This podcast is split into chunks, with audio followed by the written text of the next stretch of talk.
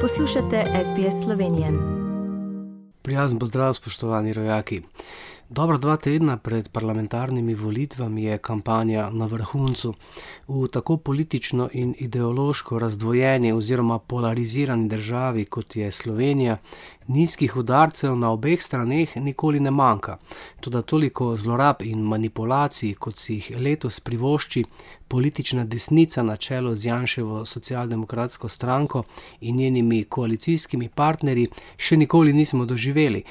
Poleg klasičnih kadrovskih cunamijev, ko nekaj tednov pred volitvami v državni upravi denimo razpišajo 160 novih delovnih mest s tridnevnim rokom za prijavo, si je aktualna oblast letos povsem podredila nacionalno televizijo, državne komunikacijske kanale zlorabljajo za strankarsko propagando, šli pa so celo tako daleč, da na predvoljivnih plakatih po posameznih regijah zavajajo z naštevanjem lokalnih projektov, ki da so jih financirali.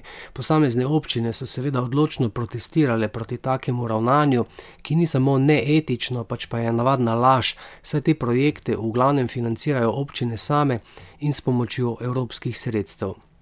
Eden zadnjih tovrstnih manevrov je izvedla provladna televizija Nova 24 TV, ki je v lasti posameznikov blizu SDS, ki je pri Googlu zakupila imeni strank KUL in Gibanje Svoboda.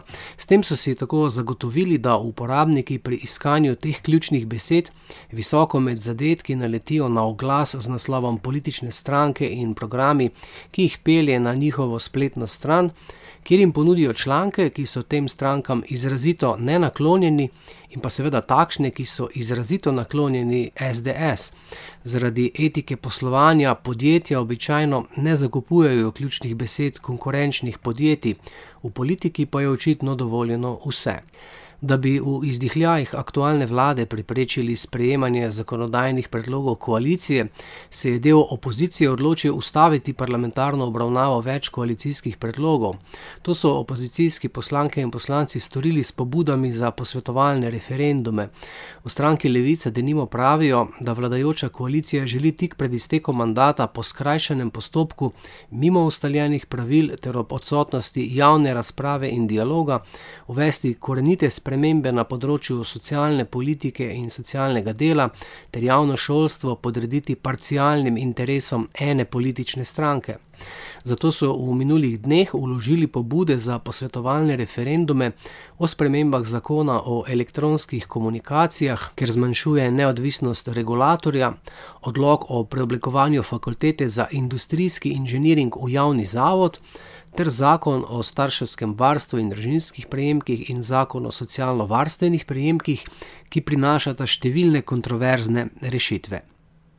Medtem ko Slovenija v primerjavi s svojo proaktivno vlogo ob obisku Janeza Janše v Kijevu pred dvema tednoma ni bila med prvimi članicami Evropske unije, ki so iz države izgnale ruske diplomate, predvsem pa jih edina ni razglasila za nezaželene osebe, je pri nas prošnjo za začasno zaščito doslej vložilo več kot 8 tisoč državljanov Ukrajine.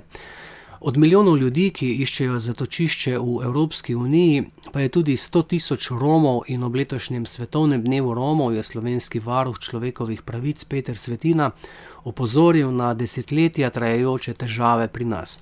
Govorimo seveda o najbolj osnovnih življenjskih potrebščinah, za katere ni poskrbljeno, to pa so dostop do pitne vode in elektrika, šolanje in zaposlovanje. Morda pa se bo z novo vlado, kdorkoli jo bo že sestavljal, to naposled spremenilo. To so bile novice za danes. Ostanite zdravi in vse dobro do našega naslednjega slišanja. Za SBS ali Šlednik. Želite slišati sorodne zgodbe? Prisluhnite jim preko Apple ali Google podcasta, preko aplikacije Spotify ali kjerkoli drugje.